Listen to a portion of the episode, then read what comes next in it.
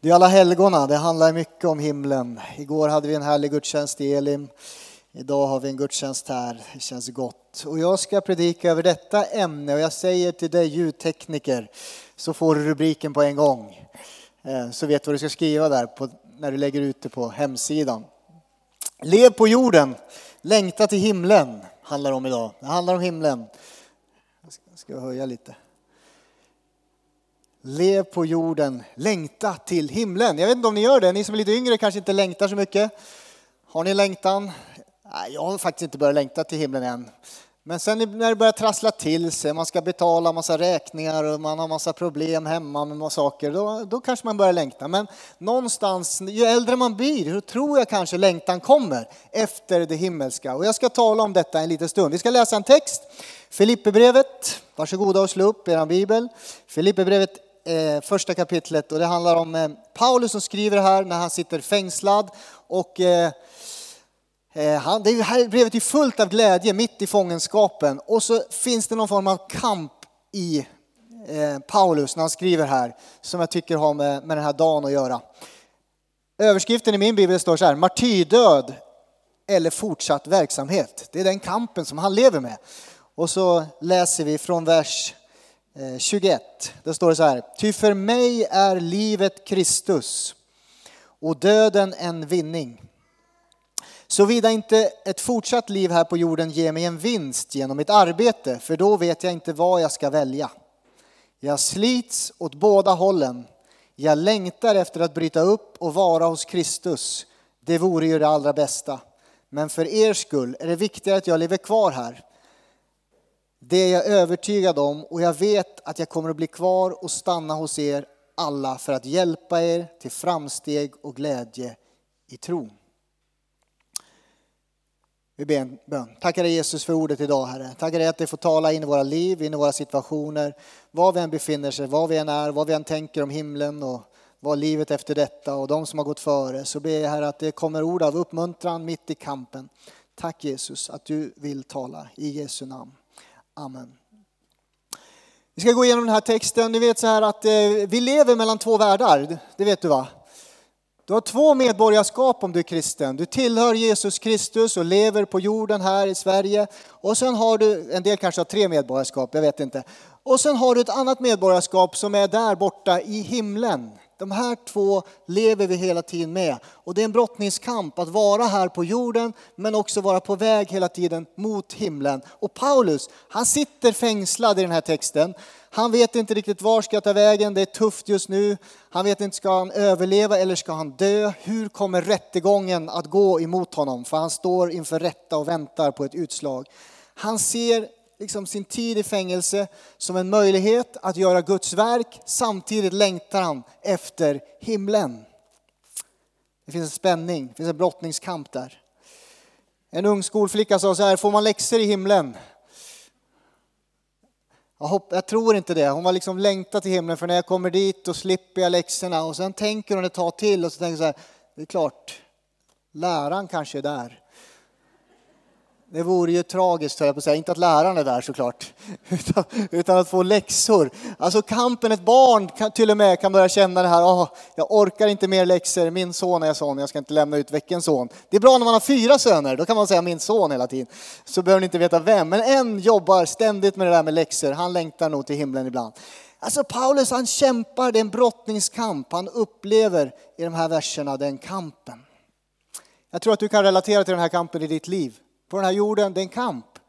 Du lider, du kämpar. En del kämpar mer än andra tyvärr. Jag vet inte varför det är så, det bara är så.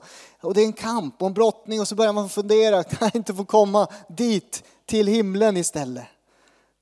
Och då lever vi hela tiden med orden från Jesus, att göra hans vilja medan du är här och samtidigt slutar Uppenbarelseboken, sista boken i Bibeln, vet ni hur den slutar? Ja, Snipp, snapp, snut så var sagan slut. Nej, så slutar den ju inte, det fattar ni väl? Eller hur? Hur slutar den? Den säger så här, kom Herre Jesus. Se, jag kommer snart. Och så ropar församlingen, kom Herre Jesus. Alltså, man vet att Jesus säger, medan ni är här på jorden, gör då hans vilja, hans verk. Samtidigt ropar bruden, församlingen, kom Herre Jesus. De längtar efter himlen medan de lever här på jorden. Det är det Paulus upplever i den här versen. I Spanien, och jag har inte varit där, jag har bara läst, jag har aldrig varit någonstans, jag har bara läst om allt. Men i varje fall, så är det så här, där finns ett monument av Christopher Columbus. Han står och pekar ut mot havet, jag tror det är Barcelona. Och på det här monumentet står ett motto, ett spanskt motto. Eh, Inget bortom detta. Det var ett motto man hade i landet därför man tänkte så här när Spanien var, eh, hade någon form av herravälde, historiker finns det ju här så ni får ta det här. Så, så tyckte de, de hade redan upptäckt allt, de hade erövrat allt. De var ett stort land på den här tiden. Eh, en, en, en, stor nation på något sätt. Och sen, bortom detta ingenting hade de som motto. Och det var ju före Columbus. Sen upptäcker han att det finns mer. Och på det här monumentet finns det ett lejon längst ner som klöser på det här ordet inget mer, inget mer. Så bortom detta mer blir det istället. Och det är precis det här vi lever med, vi som är kristna, i det samhälle vi bor. Jag vet inte om ni har tänkt på det. Vi lever med och möter människor hela tiden som säger bortom detta finns inget mer. Ja, de brinner ner de där ljusen. Ja, ni kan inte ställa dem där. Jag vet inte vad som hände. Fläkt kallas det. Alltså, vi lever hela tiden i den här världen och möter människor som säger bortom detta finns inget mer. När du dör så är det över, det är svart, det är tomrum. Så många människor som tänker så. Bortom detta inget mer. Men vi som tror, vi som bekänner Jesus Kristus som Herre, om du har Jesus i ditt liv så ska du inte leva med det där bortom detta inget mer. Du ska, det där inte, det är bortklöst. Alltså vårt lejon, lejonet av Juda som det talar om i Bibeln, han har liksom besegrat detta och han säger bortom detta finns något mer. Vi har ett annat hemland. Det är himlen. Och du ska veta att det är så mycket bättre än livet här på jorden. Det är så mycket bättre. Du vet när man intervjuar en idrottsstjärna då säger, som har vunnit en stor seger och säger jag kan inte uppleva något bättre. Det, här, det finns inget bättre. Då kan du säga som kristen, jo det finns någonting som är bättre. Himlen är mycket bättre än alla segrar, alla framgångar, allt du kan erfara på den här jorden. Jag vill att du ska tro det här.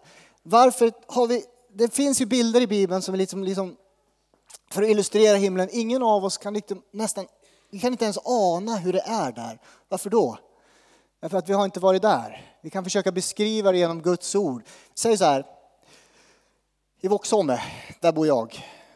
Eh, där kan jag beskriva nästan varenda stig, varenda väg som finns runt Vaxholm. Därför att jag har sprungit där, jag har åkt rullskidor där. Man åker rullskidor mot Knutby, jag kan varenda hålighet i marken. Jag kan beskriva allting hur det ser ut runt det och längs den vägen, hur alla hus ser ut. För jag har åkt där mil efter mil efter mil. Jag har varit där, men himlen finns ingen, liksom, vi kan inte knappt sätta ord på det. Därför att ingen av er har varit där och kommit tillbaks. Men Bibeln försöker beskriva det här och Paulus han har börjat ana och förstått, för han har varit där står det. Han har lyfts upp till den tredje himlen, han har lyfts upp till den dimensionen. Så han vet någonting som vi inte vet. Och nu brottas han, det sliter i honom. Han vill vara kvar här på jorden om Gud vill, men han längtar till himlen. Tre punkter som jag vill ta upp. Tre ord. Det finns en brottningskamp i vårt liv, det finns en längtan, men det finns också en villighet. Tre ord att ta med sig idag. Kampen, brottningen, längtan, villigheten. Han brottas med sitt fortsatta liv som jag sa. Han längtar till himlen, men han är villig att vänta. Vers, jag läser dem igen. Ni ska ha Bibeln med er, det har ni va? Det står så här. Ni ska ha den uppslagen också hela tiden. Och ni ska stryka under och skriva saker. Ty för mig är livet Kristus och döden en vinning. Såvida inte ett fortsatt liv här på jorden ger mig en vinst genom mitt arbete, för då vet jag inte vad jag ska välja. Jag slits åt båda hållen. Jag längtar efter att bryta upp och vara hos Kristus. Det vore det allra bästa. Men för er skull är det viktigare att jag lever kvar här. Ni hör, jag slits åt båda hållen. Han sitter där i fängelset, han ska snart stå inför kejsaren, han vet inte hur domen kommer lyda. Han, eh, det här är liksom, han utgjuter sitt hjärta i det här brevet. Hur det är att sitta fängslad och kanske vänta på döden. Här, liksom alla känslor han känner. Han berättar hur det är att vara en lidande tjänare för Herren Jesus. Det är jobbigt nu, säger han. Vi behöver säga det ibland till varandra. Samtidigt, när han upplever denna kamp, så blir fångvaktarna frälsta. Samtidigt när han sitter där får han förkunna. Samtidigt får han vara ett redskap för Gud, ett verktyg i Guds hand. Mitt i denna känslostorm av ska jag bryta upp och vara i himlen? Samtidigt får han ge evangelium till nya människor som kommer till tro. Jag vet inte vad jag är på väg riktigt. Han säger så här. För mig är livet Kristus, men döden en ren vinst. Såvida inte mitt fortsatta liv här på jorden ger mig en vinst genom mitt arbete, för då vet jag inte vad jag ska välja. Han säger, jag vet inte vad jag är på väg, för Gud har inte uppenbarat riktigt för honom var han är på vägen.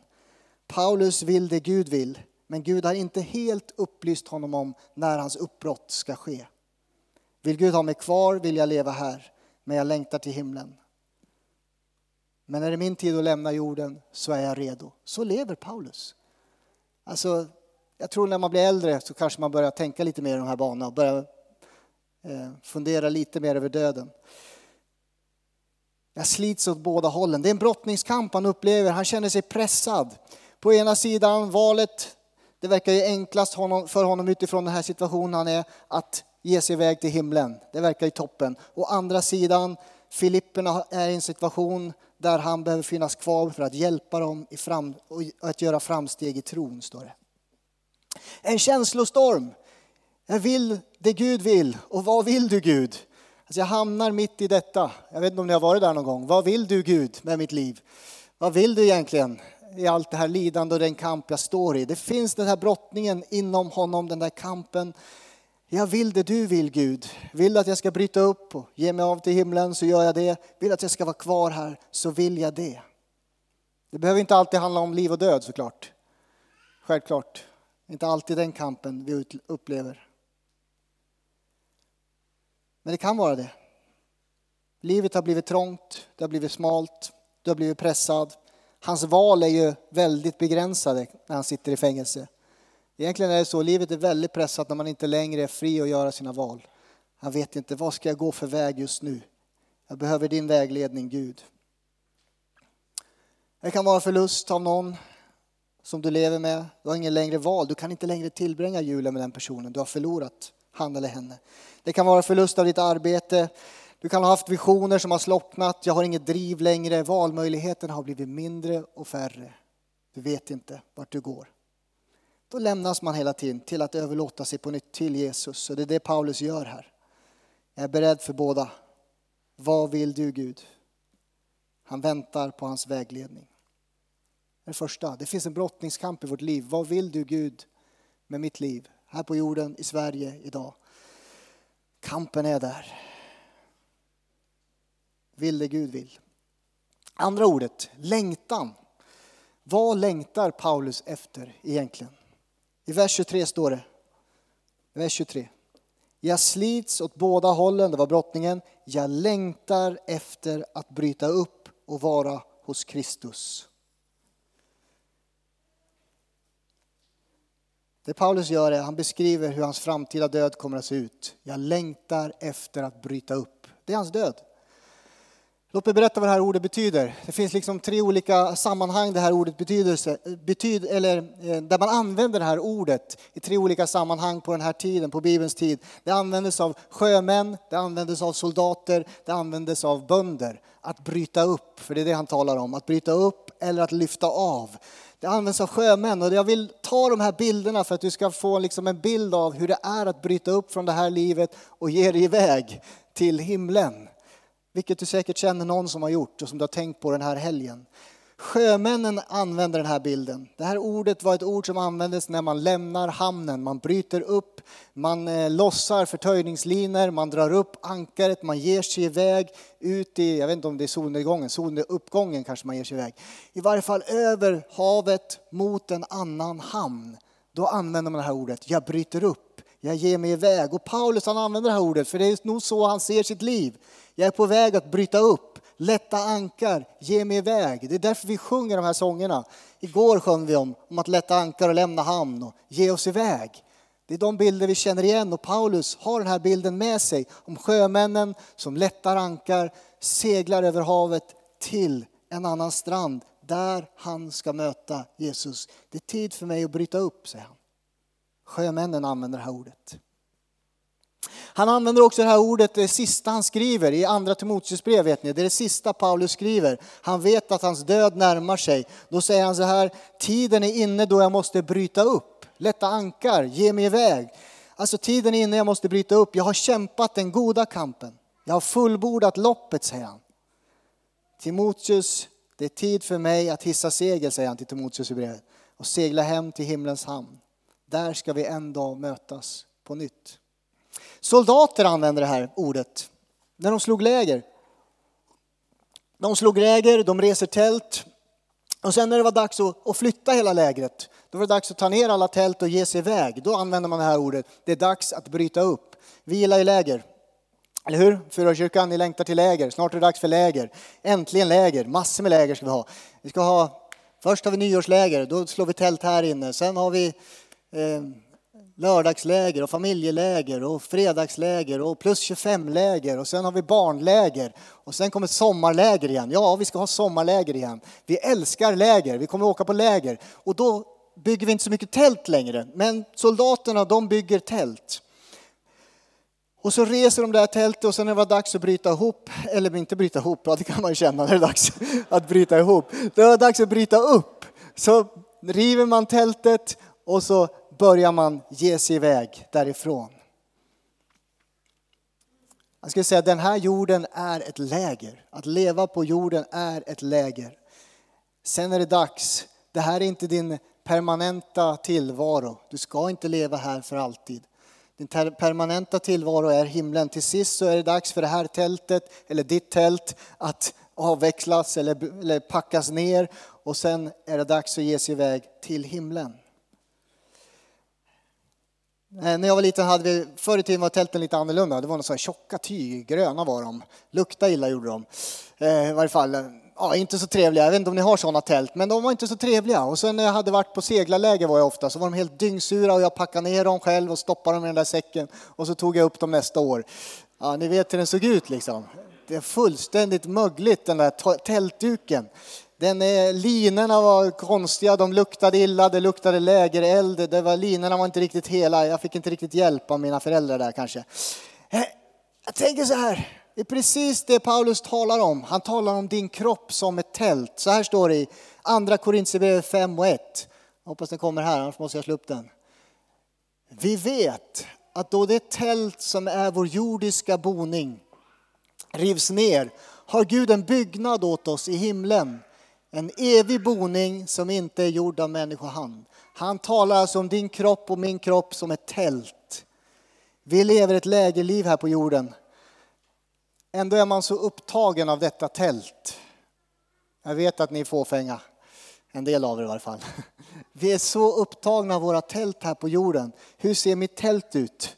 Jag är i varje fall fåfäng. Ingen annan verkar vara riktigt med på den. Men någon annan kanske. Alltså man är fåfäng. Bli inte förvånad när tältet börjar bli lite slitet. Det blir det. Din kropp slits. Vi blir upptagna med tältet. Vilket vilken färg har mina tältlinor? Om vi nu tar den bilden, hänger ni med? Eller har jag något tältlinor kvar? Ni Kanske inte är så oroliga för det, men jag bekymrar mig över det. Jag är bara 40, lite drygt 40 år. Alltså det är tältet hela tiden, kroppen. Vad är det som händer? Vi är så upptagna av våra kroppar ända in i döden. Paulus säger, det kommer bli ett uppbrott för dig och för mig. Det är tid att hissa segel eller rycka upp tältlinorna. Ta ditt tält, för vi har ett himmelskt tält, en himmelsk boning som väntar för oss. Det är de här bilderna som Paulus ser när han använder ordet det är dags för mig att bryta upp. Det också används av bönder, men då är det betydelsen av att lyfta av. Du vet på den tiden, jag kan ingenting om bonderi. Eh, jag har sagt förut, jag tänker att man, man plöjer vägen och plogar åkern. På den nivån ligger jag. Eh, och det gör man ju såklart inte. Eh, I varje fall, på den här tiden så hade man djur som man kopplade ett ok på för att kunna styra oxen, för att dra saker. Och i slutet av dagen så lyfte man av oket. Det lyfts av djuret och Jesus sa, ta på er mitt ok. Det betyder låt mig styra er, låt mig leda er. Jesus bestämmer, inte du. Och så en dag så lyfts oket av. Det som var en lätt börda att bära Jesu ok, det lyfts av. Det är dags att bryta upp. Du har gjort ditt jobb. Bra gjort, goda och trogna tjänare, säger Jesus, kom in i min himmel. Alltså det finns de här bilderna när Paulus talar om, jag slits. Ska jag vara kvar? Han brottas med det, men han längtar till himlen. Paulus vill bryta upp. Men döden, ursäkta. Döden är ju inte ett uppbrott bara. För då vore det väldigt tomt. Om vi bara tänker som att döden är ett uppbrott. Nej, döden är ju något annat. Döden är ett möte. Det är därför döden också kan vara vacker. Döden är ett möte med Jesus Kristus själv. Han längtar efter att bryta upp, inte bara för uppbrottets skull, utan för att få vara med Kristus. Du vet, det är inte bryta upp som är det fantastiska, det är ankomsten till den nya stranden. Det är där vi möter Jesus. Ibland, jag vet inte, kanske mest yngre predikanter och jag eh, anses kanske vara där. Men vi, vi eh, nej det vet jag inte längre förresten, spelar ingen roll, jag ska inte reflektera över mitt liv. Alltså, vi, vi, vi reflekterar över himlen som en plats, vad kan man göra där? Har ni hört sådana förkunnare? Det är oftast de yngre. Vad kan man göra där? Kan man spela paddel? Kan man spela golf? Kan man rida på lejon? Alltså sådana här konstiga bilder om att himlen är en plats där jag ska göra massa saker. Nej, himlen är en plats där jag ska få möta honom som har frälst mig. Det är det som är målet. Inte vad får jag göra i himlen, utan vem får jag möta där? Då får jag stå ansikte mot ansikte med Jesus. Lyssna på äldre predikanter, de börjar förstå det här.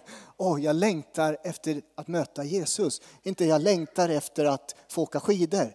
Det är helt olika synsätt. Himlen, liksom, eh, den stora grejen med himlen Huvudattraktionen i himlen är inte vad gör jag där, eh, får jag träffa min döda hund eller får jag träffa mina släktingar ens, faktiskt. Även om du ska få möta dem. Huvudattraktionen är att du en dag står där inför Jesus Kristus. Du kommer få vara i hans härlighet, i hans fullhet kommer du få vara tillsammans med honom. Uppbrottet är ett möte med Jesus. Han vill bryta upp och vara med Jesus, säger han. Ändå är han villig att stanna. Så här säger han i vers 21 och 22. Säger han så här. Ty för mig är livet Kristus och döden en vinning. Såvida inte ett fortsatt liv här på jorden ger mig en vinst genom mitt arbete, för då vet jag inte vad jag ska välja. Ty för mig är livet Kristus, han. Han är övertygad om att vara med Jesus, det är så mycket bättre, men han brottas och längtar till att vara i himlen. Ändå är han villig att vara kvar. Om Gud har något arbete kvar för mig, då vill jag utföra det. Alltså finns det någonting mer jag kan göra för någon annan människa så vill jag göra det. Så att den personen också får uppleva livet med Jesus. Då är jag beredd att vara kvar. För Gud vill att alla människor ska räddas och komma till insikt om sanningen. Finns det något mer jag kan göra, säger Paulus, då är jag kvar på jorden. Det här är en andlig människas sätt att resonera inte en barnslig människa. En fullvuxen lärjunge till Jesus, kanske längtar till himlen, men du förstår. Jag är här av en anledning. För att få välsigna någon annan är jag här och är villig att stanna kvar. Kanske är det någon du måste hjälpa till framsteg i tron. Kanske är det någon du behöver bli en andlig far eller mor för som du ska vägleda genom det här livet innan det är dags att bryta upp. Kanske har du uppdrag kvar att göra. Vi brottas med det här livet. Här på jorden är en kamp. Vi lyssnar på Guds vilja. Vad är hans väg? Vad är hans vilja? Du längtar efter himlen, uppbrottet och mötet med Jesus. Var ändå villig att fullborda ditt lopp. Var ändå villig att stanna kvar för någon annans skull. Som du kan välsigna, vägleda i livet till Gud. Det här var den text jag ville tala om idag.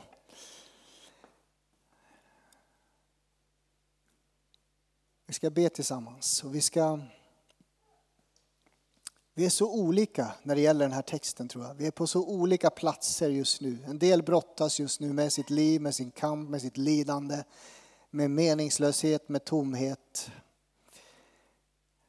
Vi ska be att Gud visar sin vilja för dig. En del är mitt i det här uppbrottet. Det är dags att bryta upp. Varför måste jag leva här?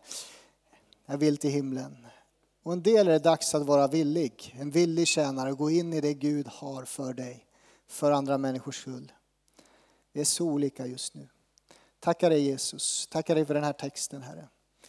Jag ber för den som brottas, för, liden, för den som lider, som kämpar, som har det svårt, som tycker att det är tomt, meningslöst just nu.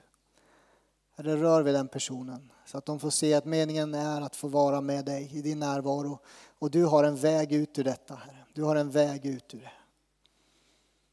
Paulus var pressad, vi kan bli pressade, men han, han förtröstade fullständigt på dig. Vi förtröstar på dig Jesus Kristus. Helt och fullt, Herre. Du ser den som längtar efter det här uppbrottet, att få hissa segel och lämna det här tältet och ta plats i himlen. Det finns mer kvar att göra här på jorden, så låt dem känna villighet att fortsätta be, att vara här.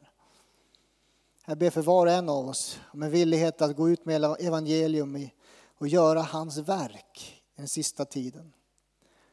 Be för vår församling om en villighet att gå ut och göra ditt verk Jesus.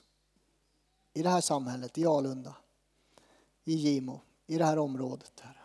Sänd dina lärjungar, far. Ber om det. Ber så i Jesu namn. Amen.